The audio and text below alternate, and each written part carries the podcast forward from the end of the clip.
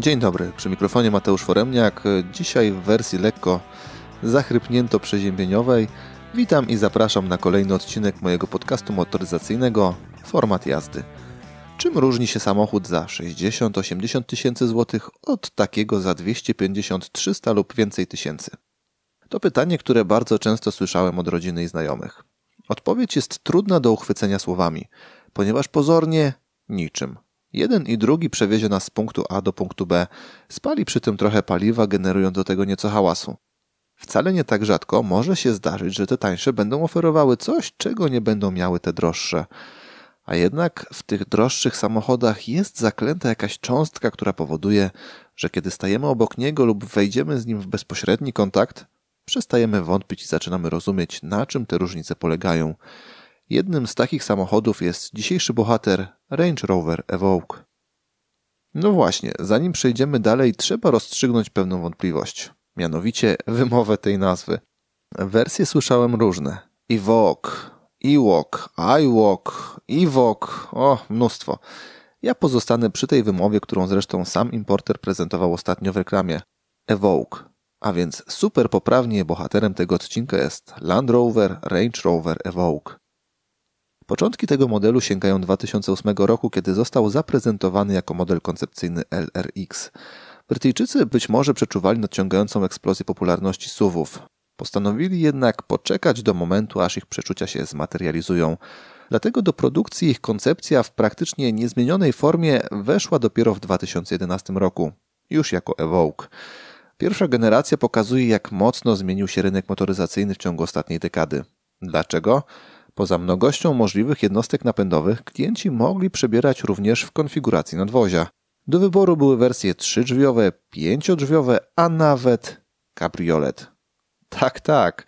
To był krótki eksperyment, nie padł raczej na podatny grunt, ale potraficie sobie wyobrazić taką ekstrawagancję dzisiaj? No, ja też nie za bardzo. A jeśli jesteście ciekawi, jak wyglądał Evoque jako kabriolet, zajrzyjcie na mojego Instagrama, gdzie w wyróżnionych relacjach znajdziecie i taki smaczek. Druga, a więc obecna generacja modelu wjechała do salonów pod koniec 2018 roku. Chociaż patrząc na jego bryłę, był to chyba bardziej chwyt marketingowy, bo jednak mocniej rezonuje w przestrzeni medialnej fakt debiutu nowej generacji niż liftingu. Jeśli mam być szczery, dla mnie to dobrze, bo mam poczucie, że Evoque jest bliski statystycznej perfekcji w kategorii samochodów. Nie tylko SUVów, ale tak ogólnie. Ja mogę patrzeć na niego godzinami, a mając go do dyspozycji podczas testu, no, czułem dreszczyk za każdym razem, gdy zbliżałem się do niego ze świadomością, że będę go prowadził. Rozumiem, że wszyscy mamy inne gusta i nikogo nie mam zamiaru na siłę nawracać. Ale tak szczerze, czy zupełnie bez emocji można temu projektowi coś zarzucić? Zwarta, szykowna bryła, uzupełniona stylowymi dodatkami, gdzie mocno zwrócono uwagę na szczegóły, chociażby schowaniem tylnej wycieraczki. Znam bardzo niewiele osób, które coś tam kręcą nosem, choć nawet one przyznają, ten range ma klasę. I tego się trzymajmy, bo klasa, szyk i ponadczasowy design to jest jedna ze składowych odpowiedzi na postawione we wstępie pytanie. A przy okazji też jeden z powodów niemałej, biorąc pod uwagę segment, popularności tego modelu. Przy okazji liftingu, yy, znaczy debiutu drugiej generacji, postanowiono, nie wiedzieć czemu, zrezygnować z kabrioletów. Odpalono też trzydrzwiową wersję, stawiając tylko i wyłącznie na opcję pięciodrzwiową. Sam Land Rover opisuje ten model jako oryginalnego, wyrazistego, stylowego i kompaktowego suwa. Stylowy, wyrazisty, oryginalny? No, zdecydowanie. A czy taki kompaktowy? Wymiarowo tak wcale nie do końca. Chociaż to najmniejszy z modeli znajdujących się w gamie Land Rovera, to nadal 4371 mm długości i 1996 mm szerokości. Kiedy wsiądziemy do wnętrza Ewołka, zostanie z nami coraz mniej wątpliwości dotyczących różnic między tymi tańszymi a droższymi samochodami, bo jest tutaj elegancko, wykwintnie i zwyczajnie luksusowo. Co nie znaczy, że moja zdroworozsądkowa część potrafi tak zupełnie oswoić takie ceny. I chociaż to wnętrze może uderzyć do głowy imponować, tak zupełnie bez wpadek się nie obyło. Ale po kolei. Na sam początek idzie kwestia dostania się do wnętrza. Tak, tak. Evoque, aby nie zaburzać jego proporcji, a przy okazji zmniejszyć choć odrobinę opory powietrza, jest wyposażony w chowane klamki. Mają one swój urok, Na pewno do momentu, kiedy postanowią przeprowadzić bunt. Ale to pewnie najwcześniej dopiero za kilka lat. Co tu dużo mówić, jest to rozwiązanie zdecydowanie zarezerwowane dla wyższych segmentów. Przy okazji, niezwykle rozpalające wyobraźnię, a przynajmniej tę dziecięcą. Jeśli podobnie jak mój syn zastanawiacie się, jak wypada konfrontacja takiej chowającej się klamki z dłonią nieuważnego użytkownika, już śpieszę z odpowiedzią. Ja spodziewałem się, że klamka po wyczuciu oporu zwyczajnie odpuści. Sporo osób twierdziło jednak, że może nawet poobcinać palce. Prawda w tym wypadku leży mniej więcej po środku. Te klamki ani nie porzucają swojej misji po wyczuciu przeszkody, ani nie robią krzywdy. Przynajmniej dorosłemu, bo mała dziecięca rączka mogłaby trochę ucierpieć. A z bardziej praktycznego punktu widzenia, po takim teście klamka nadal działa, więc pewnie ładnych kilka tysięcy złotych za ich naprawę nadal może czekać na swoją kolej. Kiedy już w taki czy inny sposób dostaniemy się do środka, no cóż, można tylko usiąść i podziwiać. Wykończenie, spasowanie, jakość materiałów. Mówiąc krótko, Zibi top. Bez cienia wątpliwości mogę powiedzieć, że jest to najlepiej wykończone auto spośród tych, które miałem okazję testować. I myślę, że będę musiał się naprawdę poważnie rozwinąć w swojej działalności, aby cokolwiek było w stanie przebić jakość Ewoka. Oprzycia skórą, ozdobne szwy, listwy dekoracyjne, nawet plastiki. Widać, że są to materiały najwyższej jakości, a ich wykonanie i zamontowanie w tym samochodzie kosztowało wiele godzin pracy niejednego człowieka. A to kosztuje. Ale jednocześnie robi imponujące wrażenie. Na mnie duże zrobiło wykończenie poduszki powietrznej kierowcy. Skórzane, z pięknymi szwami oraz centralnie umieszczonym znaczkiem ze szczotkowanego aluminium. Hm, coś pięknego. Chociaż są takie miejsca, które wyglądają całkiem zwyczajnie lub nawet wzbudzają nieco wątpliwości. Do tych pierwszych zaliczają się przyciski do sterowania szybami lusterkami. No, one są praktycznie takie same we wszystkich samochodach i trudno tutaj stworzyć coś niezwykłego. Tej wąskiej grupy wzbudzającej wątpliwości zalicza się przede wszystkim trochę twardawa listwa dekoracyjna umieszczona przed pasażerem oraz wokół skrzyni biegów, a także ochoczo wykorzystywane piano black, które owszem wygląda fajnie, ale przez bardzo, bardzo krótki czas. Konsola centralna to zestaw skrajności. Z jednej strony mamy styczność z minimalistycznym designem, szczególnie kiedy samochód jest wyłączony. Z drugiej umieszczono tutaj aż dwa ekrany multimedialne stanowiące serce i mózg tego samochodu, co już tak bardzo minimalistyczne nie jest. Tylko absolutnie fundamentalne funkcje takie jak temperatura, stopień podgrzewania foteli oraz uruchamianie i ustawianie głośności radia jesteśmy w stanie obsłużyć przy pomocy pokręteł i przycisków. Sprytnie rozwiązano sterowanie tymi dwiema pierwszymi opcjami, przeznaczając do tego ten sam zestaw pokręteł, a przyłączanie się pomiędzy opcjami załatwiając przy pomocy wciśnięcia pokrętła. Proste i efektywne zarazem. Kilka opcji, głównie z zakresu ustawień klimatyzacji, dysponuje jeszcze czymś na kształt dotykowych przycisków, a cała reszta opcji dobrze się domyślacie. Musimy ich szukać w systemie. Systemie, który wygląda naprawdę pięknie i świetnie podkreśla charakter tego samochodu. Jest jednak przy tym wszystkim mało intuicyjny, mimo że nie został przesadnie rozbudowany. A do tego ma kilka zaskakujących i rozczarowujących z punktu widzenia polskiego nabywcy minusów. Jakich? Pierwszy z brzegu to brak możliwości obsługi nawigacji w języku polskim. W menu znajdziemy ich mnóstwo, w tym kantoński, mandaryński, koreański i jeszcze kilka, które raczej nie przynoszą większych profitów na swoich rękach niż Polska. A naszego języka nie ma. Rzecz jasna, nie posądzam osób, które stać na taki samochód o totalną nieznajomość języka angielskiego, która uniemożliwiałaby im obsługę tej nawigacji. Chociaż z kantońskim lub koreańskim może być gorzej. Wydaje mi się jednak zwyczajnie, że w aucie tego segmentu takie detale powinny być dla klientów ogarnięte. Tym bardziej, że o, tak mniemam, główną grupę odbiorców wywodzącą się z Półwyspu Arabskiego zadbano świetnie. No ale widocznie takie prawo rynku. Skoro już wspomniałem o nawigacji, dorzucę jeszcze jeden temat, mianowicie mapa uparcie była wyświetlana w dużym przybliżeniu. Za dużym jak dla mnie, bo lubię widzieć nieco większy obszar niż ulica, na której się znajduję. Tak, oddalałem ją sobie ręcznie, ale ona po chwili wracała do poprzedniego ustawienia. Przyznam szczerze, próbowałem to zmienić na stałe, ale przez cały test mi się nie udało. Co jeszcze mogę dorzucić do ogródka niedociągnięć?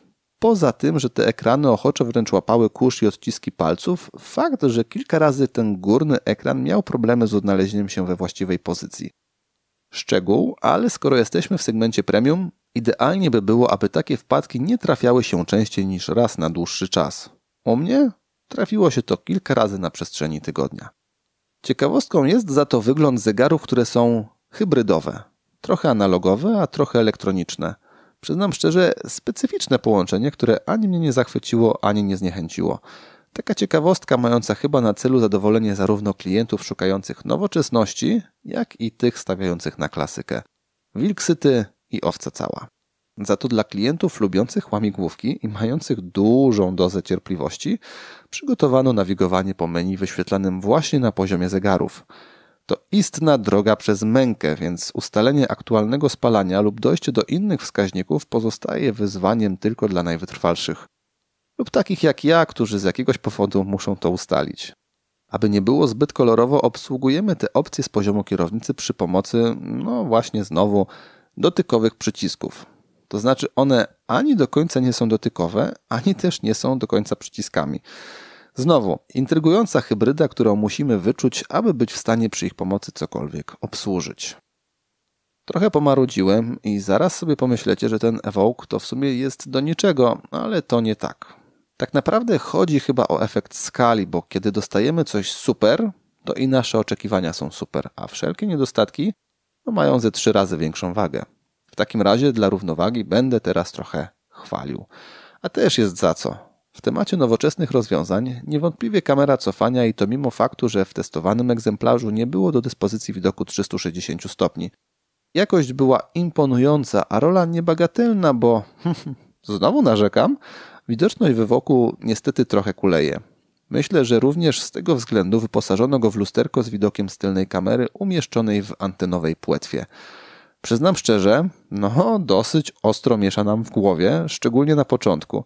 Wymaga przyzwyczajenia, ale jak już nam się uda z nią oswoić, jest to nawet spoko. A szczególnie wtedy, kiedy zdecydujemy się przewieźć naszym ewokiem jakiś konkretny gabaryt, który zasłoni nam widok we wstecznym lusterku, czyli pewnie jakieś dwa razy w ciągu wielu lat eksploatacji. Wielkich gabarytów raczej zbyt często przewozić nie będziemy tym samochodem, ale już siebie i naszych pasażerów jak najbardziej. Jeśli nie zaliczacie się do grupy wiecznych malkontentów, powodów do narzekania praktycznie tutaj nie znajdziecie. Przestrzeń? Jest, jak najbardziej. I to pomimo tej łatki najmniejszego w rodzinie. Nawet całkiem sporo tych pakunków będziemy w stanie zgarnąć ze sobą, bo w bagażniku przygotowano konkretne 472 litry. W fajnym, ustawnym kształcie. Jedyny aspekt, który trochę obniża komfort podróżowania, to gaśnica umieszczona pod nogami pasażera. Oczywiście ona ma potencjalnie bardzo ważną rolę do spełnienia, ale można było umieścić ją bardziej sensownie. Na przykład przy fotelu kierowcy, który zdecydowanie rzadziej niż pasażer ma okazję, aby układać swoje nogi bliżej fotela. Hm, fotele. Te są bardzo wygodne i oferują wysoki komfort podróży. Mamy porządne trzymanie boczne, średnio twardą konfigurację miękkości z pełną elektryczną regulacją i podparciem lędźwiowym. Do tego bardzo atrakcyjnie wyglądają, co w samochodzie tej klasy nie pozostaje bez znaczenia. Brakowało mi jednak ich wentylacji, co w cieplejsze dni daje się we znaki. A w kamiku była. To tak a propos tych opcji, które są w tańszych samochodach. Za to świetnym patentem jest dzielony podłokietnik z przodu, który można inaczej ustawić dla kierowcy, a inaczej dla pasażera. Znakomity pomysł, który nie jest przesadnie skomplikowany we wcieleniu w życie, a jakże mocno to życie ułatwia. Czy klasę premium można usłyszeć? Oczywiście, że tak, a jej dźwiękiem jest. O, właśnie to, cisza. Może nie jest absolutna, bo jednak coś tam nam szumi, ale naprawdę Evoke jest wyciszony wzorowo. I to w pełnym, dozwolonym w naszym kraju zakresie prędkości. Może to nie jest jeszcze samochód, w którym warto wykorzystywać szofera, ale prawda jest taka, że prowadząc go lepiej nie obgadywać współpasażerów, nawet tych siedzących z tyłu, bo najzwyczajniej w świecie oni wszystko będą słyszeć. Skoro już wspomniałem o tym szoferze, pytanie brzmi, czy warto się w niego wcielać. No cóż, Evoke nie jest demonem prowadzenia, ale jeśli nie postanowicie sobie i wam udowodnić, że ma on też spory pierwiastek sportowy, jest ok, tak po prostu w każdych warunkach i przy wszystkich prędkościach. Na solidną czwórkę w kategorii Open oraz na piątkę z plusem w kategorii tej dostojnej jazdy. Zawieszenie jest z kategorii tych bardziej miękkich, komfortowych, z pewną dozą potencjału terenowego. Zresztą to jest samochód, z którego raczej nie ma się ochoty wyciskać jakichś rajdowych pierwiastków. Co nam o tym przypomina? Przede wszystkim brak choćby na miastki przygotowanego trybu sport oraz duża, właśnie taka arystokratyczna kierownica, która mocno sugeruje, jak powinniśmy jeździć tym samochodem. I choć faktycznie czuć na początku jej rozmiar, tak szczerze, mniejsza nie pasowałaby do całokształtu tego samochodu. Pozostaje nam zatem oswoić się z takim rozmiarem.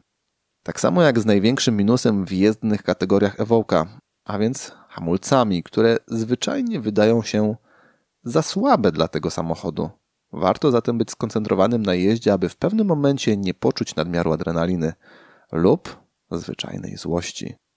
A propos złości, często mnie ogarnia, kiedy mam styczność z wpakowanymi do samochodów systemami asystującymi. Zamiast asystującymi nazwałbym je, no, też z końcówką nającymi.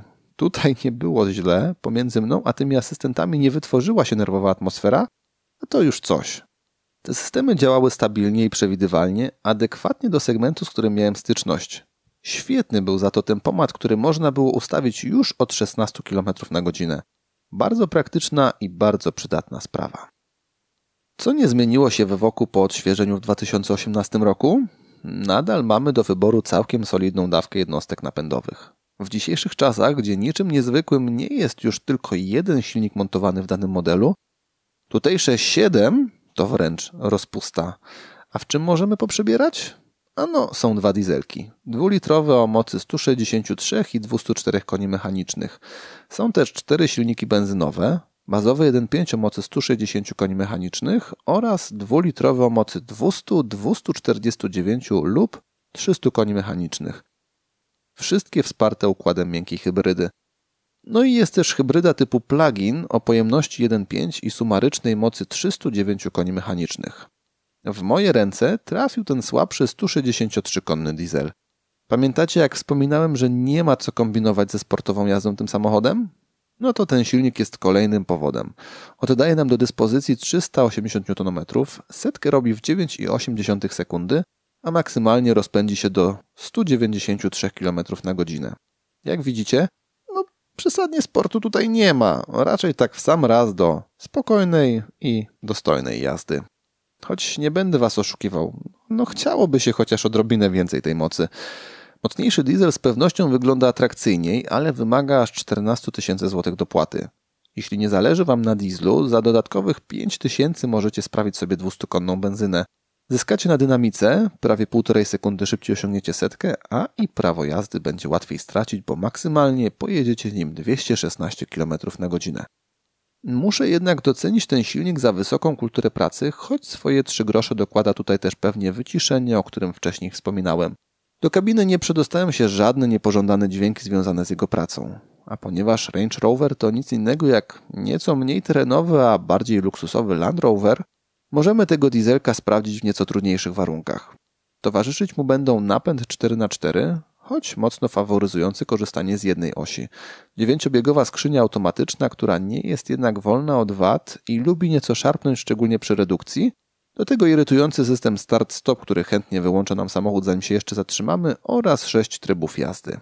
Trzy uniwersalne, Eco, Comfort i Auto oraz trzy bardziej terenowo.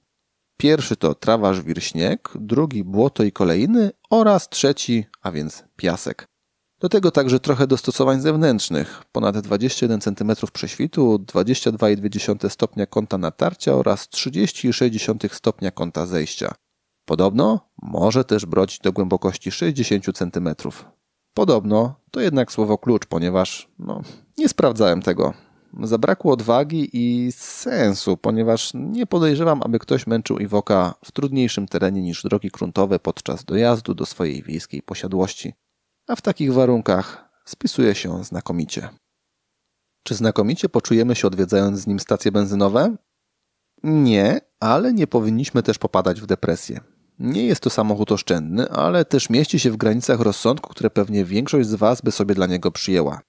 W mieście był to w moim przypadku przedział od 8 do 10,3 litra na setkę, z dominantą gdzieś po środku. Drogi krajowe to od bardzo dobrych 6 do przyzwoitych 7,9 litra. Zaskakująco mało i zaskakująco stabilnie było na trasach szybkiego ruchu 6,2 do 6,7 litra. Autostrady to nadal pułap poniżej dyszki, między 8,4 do 9,5 litra na setkę. Mówiąc krótko, akceptowalnie. Odbierając ten samochód do testu, usłyszałem, że jest on najchętniej wybierany przez panie. Co do tego, że jako mężczyźni powinniśmy się uczyć od nich wielu rzeczy, nie mam najmniejszych wątpliwości. Na gruncie motoryzacyjnym przejmowanie od nich zamiłowania do Evoka uważam za bardzo dobry pomysł, bo to jest naprawdę kawał motoryzacyjnego dzieła sztuki. Fantastycznie wykonany, rewelacyjnie wyglądający, bardzo komfortowy samochód, nawet jeśli cierpiący na pewne niedociągnięcia stricte praktycznie. A sztuka? Jak to ona? Swoje kosztować musi. Natomiast w przypadku Evoka nie jest to sytuacja zupełnie zero-jedynkowa. Dlaczego? Cennik startuje z poziomu 212 400 zł, co biorąc pod uwagę czasy i klasę tego samochodu należy uznać za ciekawą propozycję. Patrząc jednak w ten sam gotowy już cennik, możemy zauważyć, że czeka tam też na nas gotowa konfiguracja za prawie 380 tysięcy złotych. Kilka bonusów i bez problemu możemy sobie przygotować zestaw za ponad 400 tysięcy. I to, i to, i to, i to już jest kosmos. Szukając jednak kompromisu, trafiamy na egzemplarz testowy, który podobno był bardzo zbliżony do konfiguracji, na którą stawiają kupujący. Cena 267 tysięcy złotych. Wyjściowe 242 i opcje za około 25 tysięcy. Podsumowując zatem, tanio nie jest, ale można wydać porównywalne pieniądze na sporo gorsze samochody. I z tą myślą Was tym razem zostawiam. W tym odcinku to już wszystko z mojej strony. Serdecznie zapraszam do kontaktu oraz słuchania kolejnych odcinków. Pamiętajcie też, aby obserwować format jazdy na Instagramie i Facebooku. Dziękuję za uwagę i do usłyszenia.